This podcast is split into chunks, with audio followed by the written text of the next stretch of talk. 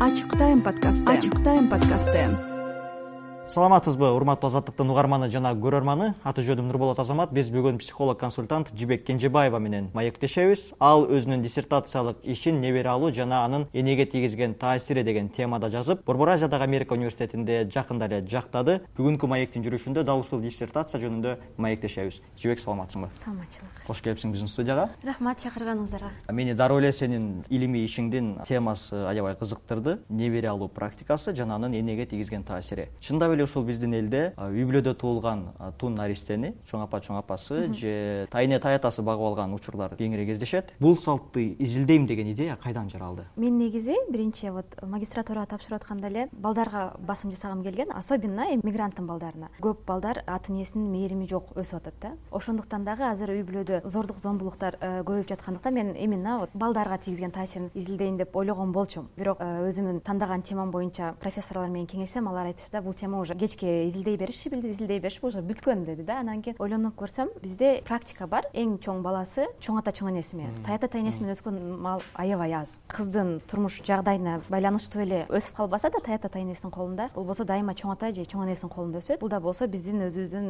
центральный азияга тиешелүү менталитетибизге байланыштуу болуп калат демек бул бизде эле эмес. Бул бизде эле эмес. Э, центральный азия боюнча особенно казактарда көп кездешет. Анан өзбекстанда анан кыргызстанда обычно көп кездешет. Казактар уже бул теманы изилдеп көрүшкөн. Бул тема жөнүндө аябай көп статьяларды жазышкан да. Анан ошондуктан мен азыр көп булактарым казакстандыкына таянып анан жаздым десем болот да. Себеби кыргыз булактарына кайрыла турган болсок биздин тарыхчылар деле антропологдор деле бул теманы мындай көтөрүшкөн эмес. Бирок элдин арасында бул практика дагы деле жашалып келип атат да. Анан мени эң кызыктырган нерсе бул жерде эмне болду. Көбүнчө бул практиканы вот келинден кайната кайненеси эме баласын алып атканда эме деп айтат экен да тун бала турнаныкы бул сеники эмес да? Ошондой даже эме бар экен да? Макал десе болобу же жөн эле фрейз да? Жөн эле ушундай бир сөз да?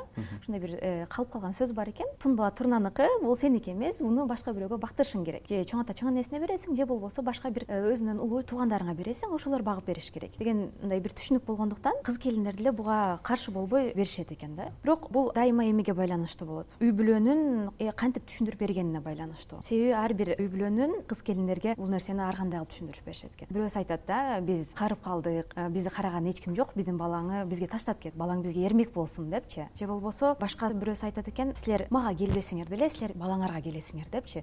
То есть бул жерде уже жаш үй бүлөнү кармап турган бир нерсе бар. Ата энеси ошондо өзүн бир аз коопсуз сезип баштайт. Бул илимий изилдөөгө демек кыргызстандын изилдөөчүлөрүнүн арасында алгачкы ирет кайрылган сиз болдуңуз деп айтсак жарашабы? Кеңирээликтөө жок болгон эмес а меники именно научный исследование болду илимий илимий изилдөө болгондуктан бир аз тереңирээк. Изилдөөнүн аты деле өзү айтып турат да индепс интервью то есть тереңден алынган интервью болуп эсептелет. Анан ал жакта ар бир аялдардан алынган интервьюну феноменологиялык метод менен изилденген да. Феноменологиялык методдо сен бир феноменди аласың дагы аны ар жактан түшүндүрүп бересиң. Небере алуу феноменин ала турган болсок аны тарых жагынан дагы антропология э, этнография биздин э, традиция жагынан дагы анан эң негизгиси вот аял затына тийгизген психологиялык таасири. Көп деле мындай реклама кылган жокмун илимий изилдөө кылып атам деп мен болгону. Өзүмдүн инстаграм баракчамда анан фейсбук баракчамда бөлүштүм. Бизде илимий изилдөөдө эме бар да. Эң жакшы изилдөө бул респонденттер сени өзү табып келгенде дейт да. А менин респонденттерим баары өзү табып келди. Мен жөн эле вот пост кылдым. Алар э, баары мага чыгышты. Анан мен ойлогом да башында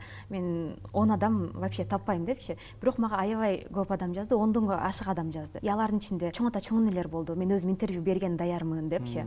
Чоң ата чоң энесинин колунда өскөн. Эркектер да болду. Өзүмдүн эме окуямды айтып берейин. Хотя мындай көп убакыт болуп кетти. Бирок мен бул нерсени унута албайм ата энемди кечире албайм дегендер деле болду. Анан бирок мен эме ала албайм да мен алгым келди кошоюн дедим. Бирок анда менин изилдөөм бир направленияда кетпей мындай чачырап кетмек да. Анан фокус да чачырап энергия да чачырап кетмек дагы мындай бир таянакка келиш кыйын болуп калмак да. Эми иштин мазмунуна өтөлү бул небере алууну практикалаган апалардын психологиясына бул салт бул практика канчалык таасирин тийгизет экен. Азыр мен илимий изилдөөмү алып туруп эле мындай generalize бир нерсе чыгарыш кыйын да. Баарында ушундай болот деген нерсе жок. Себеби мен алты адамдан интервью алсам алтоо алты башка нерсени айтып берди магачы эң байкалган нерсе баардыгында баардыгы айтат да бул практика жакшы дагы эмес жаман дагы эмес дейт. Элүү процент жакшы элүү процент жаман. Эгерде кайнэне кайнын атасы балага өзүңүн ата энең ким ата энеси менен катташтыра турган болсо бул нормально дейт да. Барып сен балаңды калтырсаң болот дейт. Эгерде катташтырбай өзүнүн бүт документтеринди өзүнө өткөзүп ала турган болсо бул жаман дейт. Бирок ошондой учурлар бар экен психологияда когнитивдүк когнитивный диссонанс кыргызча кандай болуп калат. Когнитивдик диссонанс. Ошондой болуп ошо когнитивный э, диссонанс болуп калат. Себеби адамдын ишенген нерсеси башка кылып аткан нерсеси башка да. Например мен өзүм жалган айтуу туура эмес деп эсептесем анан мен өзүм жалган айтып аткан болсом менин ичимде уже эме согуш башталат да. Сен ишенген нерсени кылган жоксуң сен принципиңден чыгып кеттиң депчи. Аларда деле ошондой нерсе болот да. Эң кызыктуусу ушул болуп атпайбы. Бул практика аябай жакшы. Мен да өзүмдүн балдарыма ушинтип кийин биринчи тун эме неберемди алам дегендер бар да. Ошентип айткан аялдар да айтып атпайбы. Эненин колунда өсүш керек эне мээримди бере алат депчи. Бул нерсени мен туура да дей албайм туура эмес да дей албайм. Себеби ал э, адам чечимди кабыл алып атканда аябай көп нерселерди ойлойт да. И булардын бул чечимге барганы ал өзүн гана ойлогон эмес баланы гана ойлогон эмес. Эгер баланы менен өзүн гана ойлосо бул жерден жөн эле баласын алып кетип калса болот эле да. Бул жерде биздин эл эмне дейт деген немени ойлоп атат. Өзүнүн келиндик статусу бар да. Анын оюн эч ким кабыл албайт да. Мага ошентип айткандар болду. Сен келин болуп келсең сенин оюң эч ким кабыл албайт дейт да. Сенин оюң эч нерсе эмес дейт. Мага просто перед фактом ставят дейт. Сен келдиң биздин үйгө сенин балаң биздики сенин балаңды биз багып алабыз дегендей учурлар да болгон да. Мындай учурда каршылык каршылык вот каршылык көтөрүп э, мен бербейм деп өзүнүн балдарын алып калгандар да бар. Азыр каршылык көрсөтүп аткандар да бар. Анан каршылык көрсөтпөй берип койгондор да бар. Бирок э, акырында алардын баары тең полностью жаман деп айта албай атат да же полностью жакшы деп айтпайт. Ошол жери бир аз кызык болот тун наристесин кайнатасына кайненесине алдырып койгон келиндердин кандайдыр бир өксүгү байкалабы өкүнгөнү. Мисалы үчүн жашы өтүп калган эжелер дагы интервью берди да. Алар балким баягы туура эмес кылып коюптурмун деген сыяктуу. Эгер ошол кез болгондо мен азыр бербейт элем деген сыяктуу ойлорун айткандар болдубу эгерде мен азыр ушундай эмеде боло турган болсом да оюм ушундай боло турган болсо мен э, бермек эмесмин дегендер бар. Бирок бергеним үчүн мен ушундай э, эме бир аз э, кандай десем бир аз эркинирээк жашадым дегендер да бар да себеби баласын караштын кереги жок эле да. Кээде болсо вот эме болуп калат. Сен балаң ата кайнатаң кайнең менен калтырасың калтырганың үчүн сен кайната кайнең менен жашабайсың да.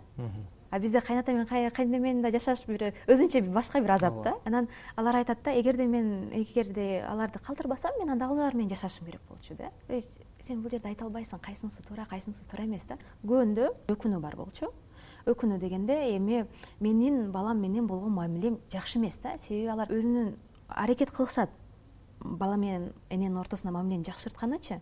Бирок баары бир бала башка бирөөнүн колунда өсүп атат да. Анан сен ал менен канчалык күндө чалсаң дагы күнүнө барсаң деле child mother connection да эне баланын ортосундагы бондту эч качан кура албайсың да. Потому что экөөң бир жерде эмессиңер да. Анан эне баланын ортосундагы байланышты жакшыртуу үчүн алар күнүнө чалып же болбосо бат баттан барып тура турган болсо үйүнө анда бала кайната кайненесине адаптация болушу кыйын болуп калат да. Бала чоң ата чоң энесинин колунда өсүп атат анан кийин эме болуп атпайбы. Апасын дайыма көргөн сайын апасын э, эстеп куса болуп кайра ыйлай берип бул жака адаптация боло албайт ошондуктан бул аялдар аны тез тезден эме зыярат кылбаш керек ал жака барбаш керек тез тезден чалып турбаш керек өзүн эстетпеш керек да. Бала бул жака көнүп кетиш үчүн. Ошондо бул жерде экинчи дилемма да. Мен балама кандай маалда жакшы апа болом да. Сен жакшы апа болосуң эгерде өзүң балаңды карасаң. Бирок сен дайыма барсаң балаң сени эстеп атпайбы балаң кыйналып атат да. Значит сен балам кыйналбасын деп туруп сен ал жака барбайсың да. А ошондо сен кайра энелик мээримиңди бере албагандыктан кайра бул жерде баары бир жаман апа болуп калып атасың да. Сен мындай кылсаң дагы мындай кылсаң дагы экөөнү тең жаман апа болуп калып атасың өз баласына мээрим бергиси келип туруп дагы ошол учурда мээрим бере албаган аялдын сезимдери мага кызык да эне именно вот балама мээрим бере албай калдым деп эле бир сезимди сезбейт да бул жерде бүт контекст менен алганыбыз туура да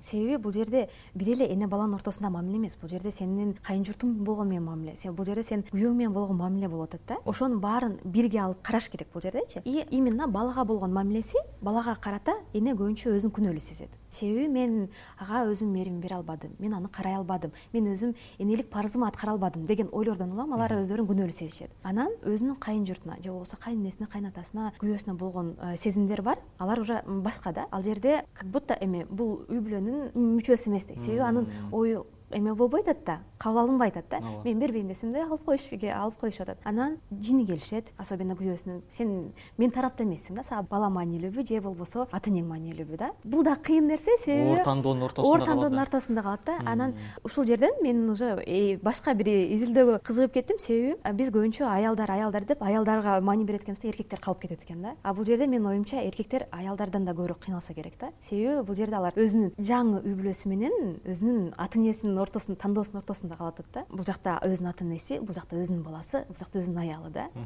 Бул эми конечно совсем башка тема башка бир изилдөө да. Анан башка дагы эмнени сезишет? Өзүн аябай күчсүз сезишет. Себеби бул ситуацияны алар эч кандай кылып оңдой алышпайт бирок белгилеп кете турган нерсе алар оңдой албайбыз деп туруп эч нерсе кылбай койгон жок да. Алардын баардыгы бул нерсеге каршы күрөшүп атат да. Англисчеде эженси деп коет өзүнүн колунан келген нерсени кылат ошого жараша баласы менен болгон мамилени э, оңдогонго аракет кылат. Же болбосо өзүн то есть өзүнүн үй бүлөсү да вот э, күйөөсү анан башка балдары да бар да. Ошол балдары дагы анан бул баласын дагы мындай бир полноценная семья катары сактап калганына аракет кылышат да. Эгерде э, чоң баласын да тун баласын чоң ата чоң энеси буларга жөнөтпөсө үйүнө өзүнүн андан кичинекей бир туугандарын ага жөнөтөт? Силер бир туугансыңар силер бир үй бүлөсүңөр мындай ошону унутпагыла деп туруп бири бирине жөнөткөндөр бар да. Эме деп коет эмеспи эне үйдүн куту же болбосо эненин бир милдети үйдөгү жылуулукту сактап калуу дегенчи ошону сактаганына аракет кылышат да. Кандай жол болбосун да? Бул конечно аябай чоң эрдикти талап кылат да. Анан буларга жөн эле силер туура эмес кылдыңар эме кылдыңар эмес. Бул жерде уже надо гордиться этим.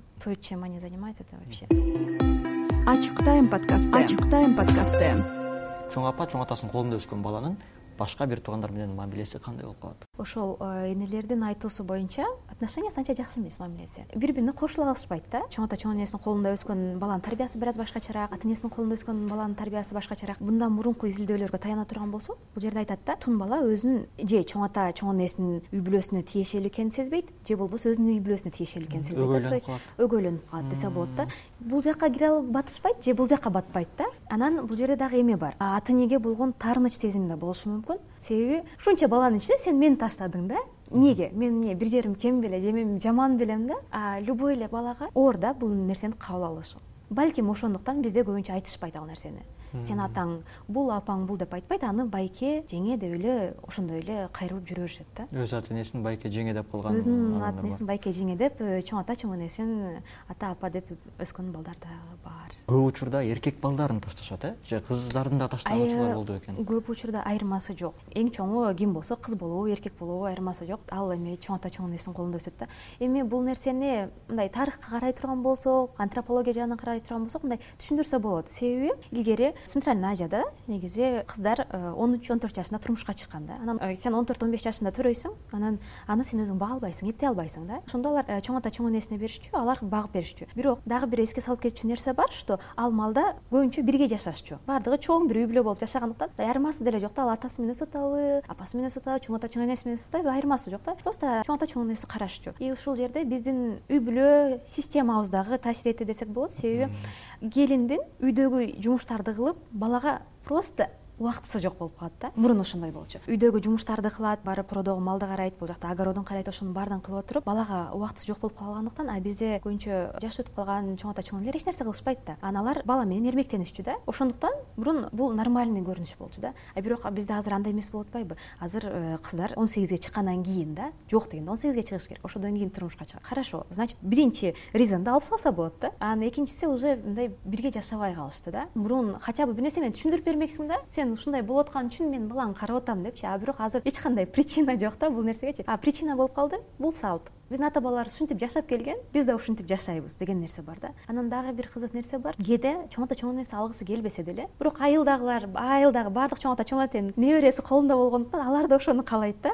Анан эми башкалар калтырып кетип атат. Силер дагы калтырып кеткиле деген учурлар дагы кездешет экен да. Менин айткым келген нерсе бул контекстке байланыштуу. Ар бир үй бүлөнүн өзүнчө бир причинасы бар өзүнчө бир чечими бар анын өзүнчө башка аялдын сезимдери. Мен респонденттерди издеп атканда эми мени адаштырып атышты. Мигранттардын балдары мененчи эми жашоо турмуш ушундай болуп калды ошого баламды таштадым шарты башка дегендер бар да. Бирок мен алар менен э, интервью кылган жокмун. Себеби алардын причинасы башка да. Ал жерде уже э, ата эненин именно өзүнүн себептери бар баланы таштаганначы окуу үчүн таштаган болушу мүмкүн жумуш үчүн акча жок болгондуктан же болбосо дагы башка бир үй семейный проблемалар болгон болушу мүмкүн же болбосо ажырашып кетип кайра экинчи турмушун баштап аткан болушу мүмкүн. Бул аябай башка нерсе да. А именно традицияга такап анан эч кандай вот финансылык проблемасы жок окуусун бүтүргөн эч нерсе кылыш кереги жок бирок жөн эле вот э, балаң мени менен өсүш керек деген нерселер бар экен да азыр дагы изилдөөгө катышкан алты аялды кайсы жерлерден кайсы облустардан? Баардык областтан бирден жалал абадтан башка.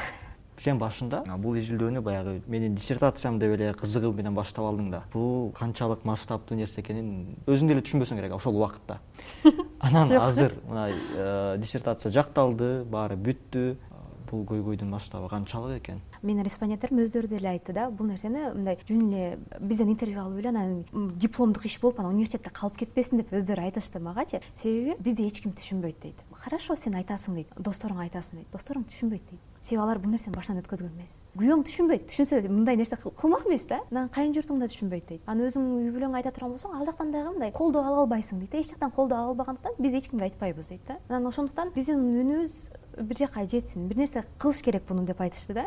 Анан ошондон улам мен да ойлонуп калдым. А демек буну бир нерсе кылыш керек да. Же мындай статьяларды жазыш керек же болбосо э, жок деген да социалдык тармактарда бөлүшүш керек. Ушундай нерсе бар жашалып атат болуп атат деп. Себеби мен көп досторум айтып атпайбы эме дейт мен ушул теманы изилдеп атам десем койчу ушундай да болчу беле жыйырма биринчи кылымда ушундай аялдар жок дейт да. Мен айтып атпаймынбы вот мага ушунча адам жазып атат ушундай адам бар толтура деп атпаймынбы анан десем көбү таң калып калышты биз э, ойлойбуз да биздин башыбызга келбесе эле бул нерсе жок деп. Бирок ал нерсе бар. Ал нерсени жашаган адамдар ал жөнүндө мындай айта алышпай атат да балким биздин көрөрмандардын угармандардын арасында ушул практиканы жаңыдан башынан өткөрүп аткан келиндер дагы болушу мүмкүн да. Учурдан пайдаланып аларга психолог катары ушундай илимий иштин автору катары эмнелерди сунуштайсыз? Кандай кеңеш берет элеңиз изилдөөгө таянып мен алар менен мен өзүмдүн изилдөөмдүн результаттарын бөлүшө алам да. Ушундай ушундай бар. Ушул нерсеге туш болгондор баласы ушул нерселерден өтөт. Сиз өзүңүз ушул стадиялардан өтөсүз деп айта алам анан чечим бул жерде по любому ал аялдын колунда калат да. Себеби мен билбейм да анын социалдык жашоосу кандай экономикалык жашоосу кандай. Себеби бул жерде мындай бир чечим алып туруп сен билбейм бир нерсенин бир четин көрүп алып туруп бир чечим чыгара албайсың да. Сен азыр мен барып туруп балаңы алып кетип кал дей албайм. Себеби баланы алып кетип калыш үчүн мындай энергия керек ресурс керек. Балким анда ал нерсе жоктур.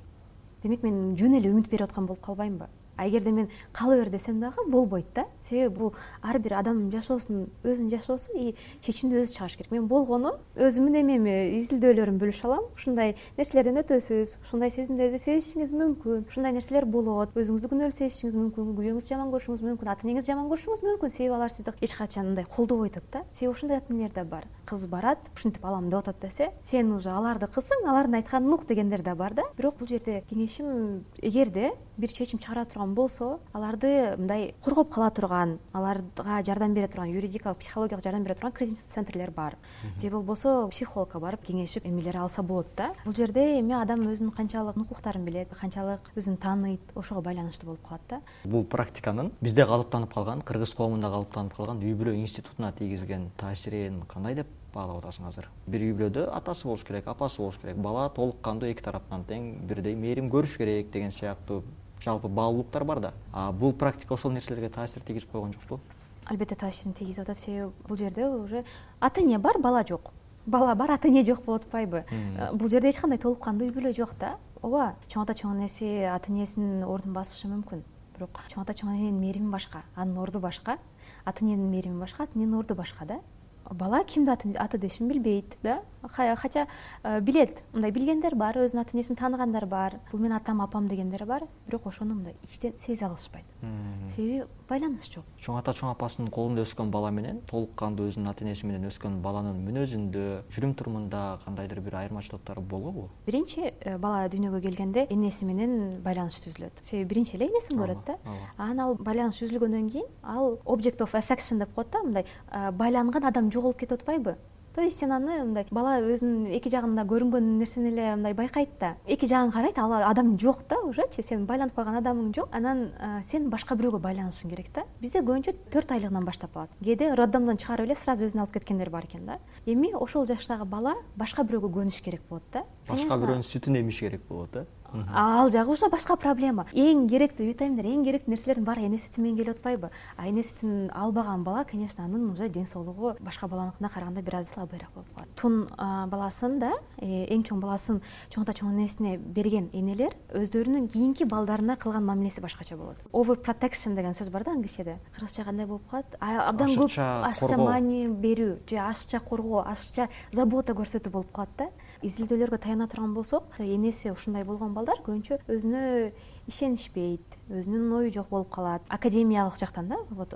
баалары бир аз жаман болушу мүмкүн. Анан көбүнчө тревожный же депрессивный балдар болуп чоңоюшу мүмкүн да. Бул изилдөө ишинин перспективасы кандай болуп атат? Балким башка тилдерге которулуп аткандыр бул изилдөөнүн жыйынтыгы коомго жетишин каалап атам да азыр? Англияда паблишерлер бар. Ошолор э, центральный азия боюнча уят деген китеп чыгарышат ошол китепте бир бөлүм катары чыгарыла турган болуп жатат да. Азыр аны вот буюрса июньдун аягына чейин жөнөтүш керек анан кийинки жылы даяр болуп калат. Мындан сырткары дагы биз азыр бул изилдөөнү психологиялык жактан алып анан статья катары илимий журналдарга берүүнү пландап атабыз. Ачык тайм подкасты. Ачык тайм подкасты. Ушул изилдөө ишин жүргүзгөн автор катары кандай жыйынтыкка келдиңиз? Ушул э, практика боюнча элге коомго эмнени айткыңыз келет бизде көбүнчө эме бар да. От крайности в крайность кетип калабыз да. Аша чаап кетебиз э? ооба аша чаба кетебиз. Бул нерсе жаман буну кылбаш керек деп туруп ошол нерсени кылып аткан же ошол нерсеге туш болгон адамдарды гнобить этип баштайбыз да. Өзү кыйналып аткан адамга кайра дагы кыйнайбыз үстүнөнчү сен туура эмес кылып атасың. Сен кантип балаңды таштайсың? Өзүң балаң го андай эмне болбойт да депчи. Анан эгерде таштабай турган болсо сен чоңдорду урматтабайсыңбы сен биздин салтты урматтабайсың да. Сен кайнете кайненеңди сыйлабайсың да. Сен күйөөңдү сыйлабайсың да да. То есть ортосунда эч нерсе жок болуп калып атат да. Ошондуктан мен айтайын деген нерсем бул жакшы да эмес жаман да эмес. Бул жөн гана биз жашап аткан бир чындыктардын бири да. Бул нерсе болуп атат. Ооба бул нерсе зыян тийгизип атат. Демек муну оңдош керек. Демек э, буну жеткизиш керек. И демек буну бир нерсе кылып чечиш керек. Ачык тайм подкасты